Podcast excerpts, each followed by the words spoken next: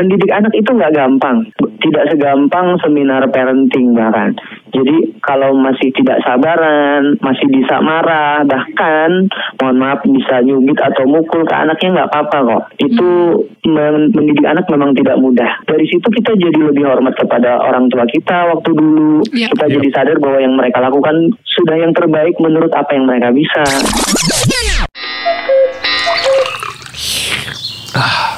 Ngopi yuk, ngobrolin profesi. Hai teman Del, ketemu lagi barengan aku Kirby dan juga Paras di segmen Ngopi Yuk di podcast Radio Del FM. Yes, hari ini kita bakalan ngobrol sama seorang pendongeng. Aduh, Widih. aku pengen didongengin banget biar bisa tidur nyenyak. Nyenyak karena apa nih? Mungkin mikirin beban hidup ya, jadi nggak bisa tidur ya insomnia ya Nggak Paras pengen ya. cepat pulang, nggak boleh ya masih Nggak kerja ya. Ah. Nah, jadi berhubung uh, ini di tanggal 23 Juli 2022 adalah Hari Anak. Nah, spesial di Ngopi Yuk atau ngobrolin profesi yuk kali ini kita pengen ngobrol nih sama seorang pendongeng dan juga trainer pendidikan. Wih. Ada Kak Ojan. Halo Kak Ojan. Hai Kak Ojan. Halo Faras, halo Selamat- halo halo uh, Kirby ya. Iya. Mas Kirby. Selamat sore Kak Ojan, apa kabar? Selamat sore juga, kabar baik sekali. Wow. Dan Makin baik setelah mendengar suara Faras sama Kirby. Waduh asik. Waduh, Aduh, nggak ada martabak lagi di sini. Eh, yang spesial itu bukan martabaknya, Tapi kaujannya. Kaujannya. Betul, sekali. Nah, Kak, ini kan kita di segmen ngopi yuk sebenarnya ngobrolin profesi nih ya kan. Tapi karena berhubung besok itu adalah Hari Anak Nasional, kita pengen nanya nih pendapatnya Kak Ojan tentang tema Hari Anak Nasional tahun ini. Di mana tahun ini itu kan mengusung tema Anak Terlindungi Indonesia Maju. Boleh kasih uh, pendapatnya atau pandangan dari segi seorang trainer pendidikan atau pendongeng nih? Eh, tema ini bagus banget ya, dan memang masih harus terus digaungkan, eh, Faras. Karena di Indonesia anak-anak itu bahkan untuk mendapatkan hak aman saja masih PR banget.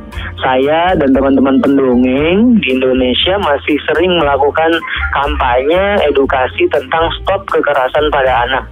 Jadi Yep. Eh, kita banyak menemukan kasus-kasus nih anak-anak yang mohon maaf ya dapat kekerasan seksual atau saya lebih suka menyebutnya sebagai kejahatan sos- Hmm. eh, seksual gitu dari orang terdekat maupun orang yang baru dikenal dan rata-rata itu karena anak-anak sendiri tidak tahu tentang batasan-batasan yang boleh dilakukan oleh orang lain terhadap dirinya, bagian tubuh dia mana yang tidak boleh disentuh dan dilihat orang lain gitu. Iya, Dan iya. ini masih berkaitan dengan keamanan. Jadi kalau anak Indonesia aja belum aman, Indonesia bagaimana maju ya nggak sih? Iya benar sih. Jadi ini masih relevan banget. Setuju, setuju. Apalagi aku seorang ibu nih ya kan kak Pasti udah dari sekarang walaupun masih terbilang sangat umur yang masih gimana ya Masih tujuh tahun dan 9 tahun Tapi berusaha selalu mengajarkan atau mengedukasi nih yang seperti kakak bilang tadi ya kan Wah, ini ibu yang keren banget pasti nih. Iya, karena kita khawatir kalau setiap melihat pemberitaan di televisi, di sosial media, aduh di mana aja kekerasan atau seperti kakak bilang tadi kejahatan seksual itu bisa terjadi di mana saja kan? Iya benar. Mm-mm. Dan kalau kita zaman dulu kan diajarinnya cuman bagian tubuh yang kelihatan ya. Betul. Dua mata saya, Iya, iya, hidung saya satu. Tapi kita nggak pernah diajarin yang bagian tubuh yang ditutup celana ini namanya apa? Nama aslinya loh ya, bukan nama samaran atau nama Inisial. alias gitu ya. Ah, ah, ah. Kemudian kenapa dia tidak boleh disentuh dilihat orang lain Iya. uh, dan lain sebagainya itu masih masih tabu nggak sih kalau di di uh, teman Del di sana? Kayaknya kalau sekarang nggak lagi lah, karena kalau pendidikan di sekolah pun kak sudah mulai nih masuk pendidikan. mulai ya? Iya, sejak dini karena memang harus diprotekkan atau dikenalkan terhadap anak-anak. Oke Kak Ojan kita juga eh, penasaran seputar tentang profesi kakak nih. Nah kebetulan kan Kak Ojan ini juga menjadi seorang pendongeng yang ada di Indonesia sekaligus trainer pendidikan nih Kak. Boleh nggak sih Kak cerita ke kita tuh kenapa sih milih kedua pekerjaan ini Kak? Wah, karena dua pekerjaan ini luar biasa ya. Hmm? Pendongeng, coba kebayangin deh. Hah? eh, laki-laki Hmm? Hmm. kerjaannya itu datang ke depan anak-anak Oke. terus cerita gitu bikin Iya. anak-anak senang anak-anak ketawa dan pulangnya dia mendapatkan sesuatu yang itu nanti akan eh, berguna untuk hidupnya 30 tahun ke depan 40 tahun ke depan dan Iya. saya tidak tahu anak mana saja yang eh, ketika besarnya itu kesuksesannya eh, berawal dari dongeng yang saya ceritakan ke Wah. mereka. Itu menurut saya nggak cuman sekedar pekerjaan atau profesi tapi udah bagian dari hidup saya ya bagian dari pengabdian saya. Dan itu tidak terpisahkan. Jadi eh, kalau ditanya kenapa jadi pendongeng ya ini pendongeng ini jalan nin- jalan ninja kalau kata anak-anak Wow. sekarang ya Jalan ninja ya kak ya. Wow. ya karena setiap orang kan butuh berkontribusi untuk eh, masyarakat ya buat orang banyak buat negara gitu dan ini kontribusi saya itu Wah, keren kak, keren, Keren luar banget sih. biasa. Ini jadi apa ya? Kayak teguran juga buat aku gitu kan. Hmm. Eh, masa Apa sih nggak bisa nih eh, malam-malam? Memang oke capek pulang kerja gitu ya kan. Tapi masa sih nggak bisa nyempatin waktu untuk anak, walaupun nggak bisa mendongeng seperti kau Jan setidaknya mengajak bercerita, gitu ya kan? Bercerita, Karena pasti banyak benar. banget manfaatnya plus eh, mempererat bonding antara orang tua dengan anak Iya, juga betul. kan. Nanti malam Eh, aku jangan bakalan dongengin anakku kak. Eh jangan Wah, salah loh, sih. jangan jangan bilang walaupun aku tidak sehebat Kak Ojan dalam mendongeng, Heeh. karena setiap orang tua itu adalah pendongeng profesional bagi anaknya. Waduh, Wah. terima kasih kak. Iya betul, Iya, ya. pasti lebih Waduh. eh, bundanya pasti lebih ah, bukan lebih ya, pasti hebat banget untuk anaknya sendiri. Saya pun kalau dongeng di Hmm. rumah untuk anak saya bukan seperti saya dongeng di panggung, jadi memang Oke. proporsional gitu. Iya iya iya. Terima kasih kak. Ini jadi semakin membuka mata saya sebenarnya kak. Ya Kak Ojan nih kebetulan kan kalau untuk di Ngopi Yuk kali ini kan spesial banget nih tentang Hari Anak Nasional. Jadi kita bakal nanyain seputar tips parenting nih Kak dan jawabin pertanyaan dari orang tua nih. Nah kalau menurut Kak Ojan nih Kak, Hmm. apa masalah anak yang paling serius khususnya ada di Indonesia nih Kak? Wah berat nih. Berat sih. Waduh, berat ini pertanyaannya. Mungkin dari kacamata Kak Ojan ya Kak ya? Iya, iya, iya, iya. Masalah paling serius yang dihadapi anak-anak hari ini adalah mereka tidak punya orang tua yang siap. Wow. Iya banyak betul. Jadi kalau an- anak-anak itu Oke. kan tergantung oleh orang tuanya. Iya Oke. kak. Banyak orang yang misalnya tuh mencap, oh anak-anak sekarang lemah. Hah? Coba kita tanya balik, anak-anak yang lemah apa orang tuanya yang mendidik dia Waduh. lemah? Tamparan keras ini ya bagi orang tua ya. Iya, Aduh. anak-anak anak-anak itu anak-anak sekarang itu eh, tidak bisa menggunakan gadget dengan baik kata orang-orang misalnya. Hmm. Anak-anaknya apa orang tuanya yang tidak bisa membangun eh, kebiasaan yang bijak dalam eh, menggunakan gadget. Ya kan pertanyaannya kan harusnya begitu. Iya. Oke. Gitu. Jadi kita tidak menghakimi anak. Jadi tantangan tantangan hari ini adalah anak-anak berada di zaman di mana mereka eh, harus menggunakan gadget, tapi orang tuanya tidak siap untuk mengelolanya. Hari ini anak-anak di zaman ketika belajar itu harus mandiri, tapi orang tuanya juga keteteran untuk mempersiapkan mereka. Hmm. Gitu. Jadi kalau ditanya tantangan anak hari ini, masalah anak hari ini, apa pun masalahnya, mau itu gadget, mau itu game, mau itu apa namanya pola sosial yang uh, berkurang gitu. Menurut saya balik lagi ke pendidikan di rumah. Hmm, hmm. Oke. Setuju sih kak, setuju. Tapi aku bukan mau pamer nih ya. Oh. Wih, Saya mau Jadi- mau aja pamer. gitu. Bukan mau pamer Karena memang punya dua anak di rumah Usia 9 sama 7 tahun gitu. Sampai sekarang mereka itu nggak punya gadget Atau nggak punya handphone Oh. Walaupun Wah. selalu bilang Beliin dong bunda Beliin dong ayah Teman-teman aku udah punya Hmm. Udah punya kayak gini Punya kayak gini Enggak Belum waktunya Tentunya dengan cara kita mengedukasinya Bahkan boleh ada gadget time Atau screen time Tapi di weekend gitu Jadi mereka kayak punya waktu Punya batasan gitu Bukan mau sombong kak Tapi ya itulah usahaku sebagai Wow. seorang ibu Wow, keren, keren, Walaupun keren. terkadang ya masih ada juga ya biasalah kalau anak-anak ya kan kak ibu, mamanya atau ibunya bundanya ini nggak bisa mengontrol eh, turun juga hangar ke kakinya. Aduh. Jadi nih kak Menurut Kak Ojan sendiri nih, kayak tadi kakak bilang kan banyak nih yang nyalahkan anaknya, padahal eh berkaca nggak nih orang tuanya? Karena Ah, kan betul. eh, anak-anak itu adalah cerminan dari orang tuanya atau cerminan dari apa yang mereka lihat.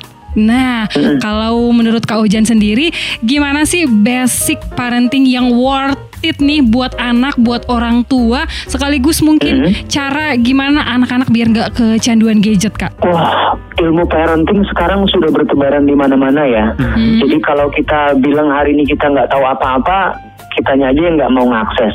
Jadi kalau mau belajar parenting, saya pikir googling, eh, buka YouTube, buka Instagram, semuanya ada gitu. Tapi kadang-kadang ilmu yang terlalu banyak ini juga eh, mengaburkan kita tentang hal-hal yang esensial dan itu yang harus kita lakukan di awal. Itu yang harus menda- secara mendasar kita berikan kepada anak. Apa itu? Misalnya ki- ada istilah namanya core childhood needs atau kebutuhan dasar psikologis anak itu. Kebutuhan dasar anak itu ya macam-macam. Ada satu misalnya eh, validasi emosi misalnya ya. Validasi emosi itu ya sederhananya kalau anak sakit, anak lari jatuh kakinya sakit berdarah dia nangis nggak diomelin nggak usah nangis nggak usah nangis malu-maluin aja anak Iya. laki-laki nggak boleh nangis misalnya gitu Iya. padahal kan dia butuh tahu bahwa yang dia rasakan namanya sakit dan kalau sakit salah satu ekspresinya adalah nangis dan nangis itu boleh itu validasi emosi. Ada lagi namanya eh, apa namanya secure attachment atau eh, kelekatan yang aman ya kedekatan yang aman. Boro-boro anak mau cerita dia bapaknya datang aja udah takut duluan ntar dimarahin Iya, ibunya iya. datang takutnya di, takutnya di salah-salahin gitu-gitu kan. Jadi untuk memberikan rasa aman yang sesuai dengan tema tahun ini, hari anak tahun ini, itu juga nggak didapat dari orang tua. Maka jangan salahkan kalau anak nyarinya di tempat yang lain. Orang tuanya nggak pernah bilang kamu hebat nah, kamu pintar. Tiba-tiba dia main game, dia menang satu level dan gamenya bilang kamu hebat. Oke. Oke. Ya, ya. Orang tuanya nggak pernah bilang hebat, gamenya bilang excellent, Oke. awesome.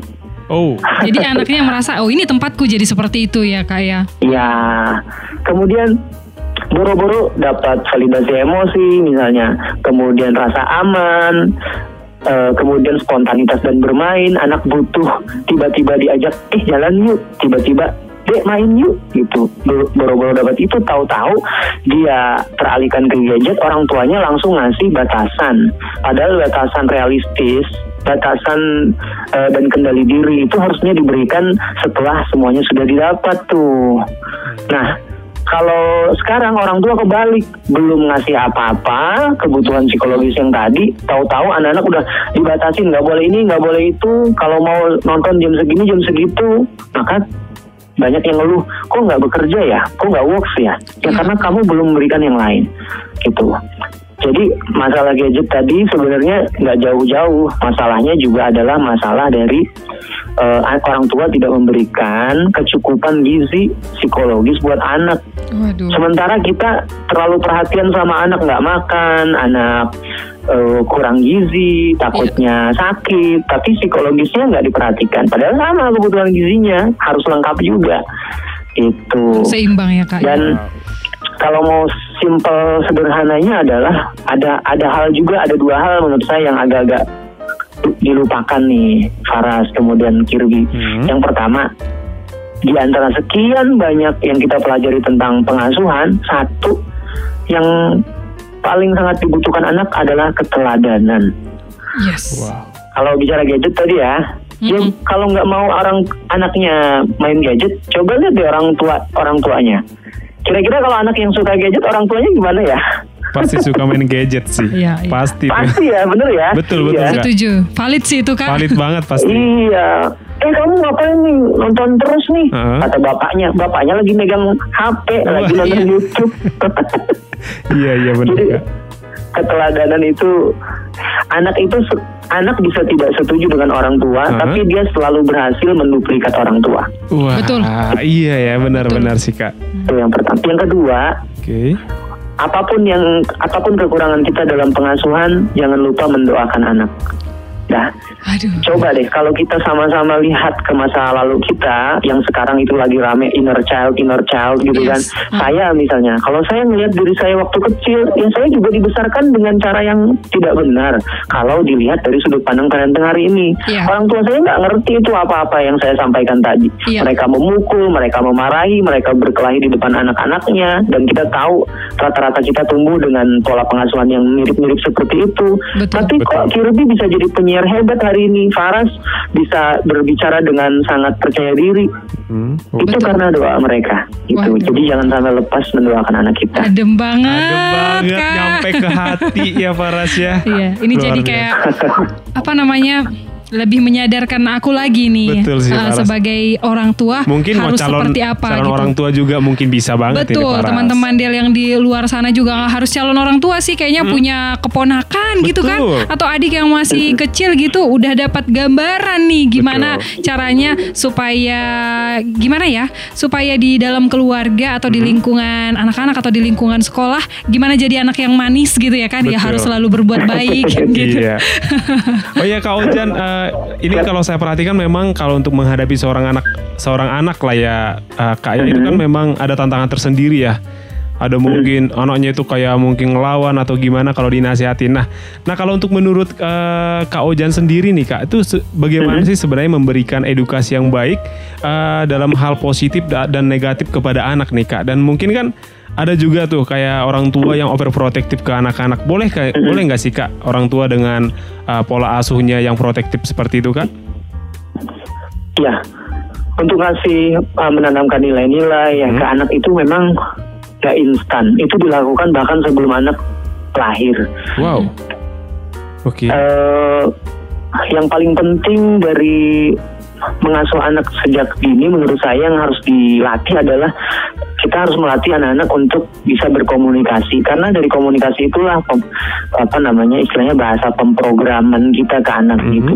Banyak an- orang tua yang tidak berdaya. Kalau kita lihat ke tempat umum misalnya kita kita ngelihat orang tuanya berbusa-busa ngomong anaknya nggak dengerin anaknya lari-lari. Kenapa? Karena dia tidak biasa berkomunikasi dengan baik. Anak itu tidak dibiasakan mendengarkan tidak dibiasakan berbicara kalau orang tuanya bicara dia memperhatikan mengkonfirmasi. Oke. pesannya sudah sampai atau belum gitu. Jadi membiasakan berkomunikasi itu penting. Salah satu yang paling efektif salah satu yang sangat efektif adalah dengan bercerita atau mendongeng tadi. Karena kalau kita mendongeng itu sebenarnya bukan masalah ceritanya ada pesan moralnya atau enggak ini kancil bagus atau enggak ceritanya. Tapi bahkan di luar itu ketika orang tua kayak Faras tadi cerita-cerita ke anaknya gitu. Ah, yang diceritain cuma masa kecil ibunya waktu di kampung nangkap belut di sawah. Iya. bener kayaknya ya. Pada saat itu anak kalau kata Faras tadi dapat bonding, dia dapat suku uh, kosakata yang baru, dia terbiasa mendengarkan, menyimak gitu. Jadi itu aja udah modal untuk menanamkan nilai-nilai. Kemudian kemudian mengenai yang over apa overprotective tadi, Iya. Oke. memang sih ya kita tidak bisa dipungkiri mungkin juga orang tua yang seperti itu dulunya dibesarkan dengan cara yang sama. Maka dia cuma punya pola itu dia lakukan buat anaknya gitu. Tapi apa pun yang over pasti nggak bagus. Betul. itu apa pun itu mau itu.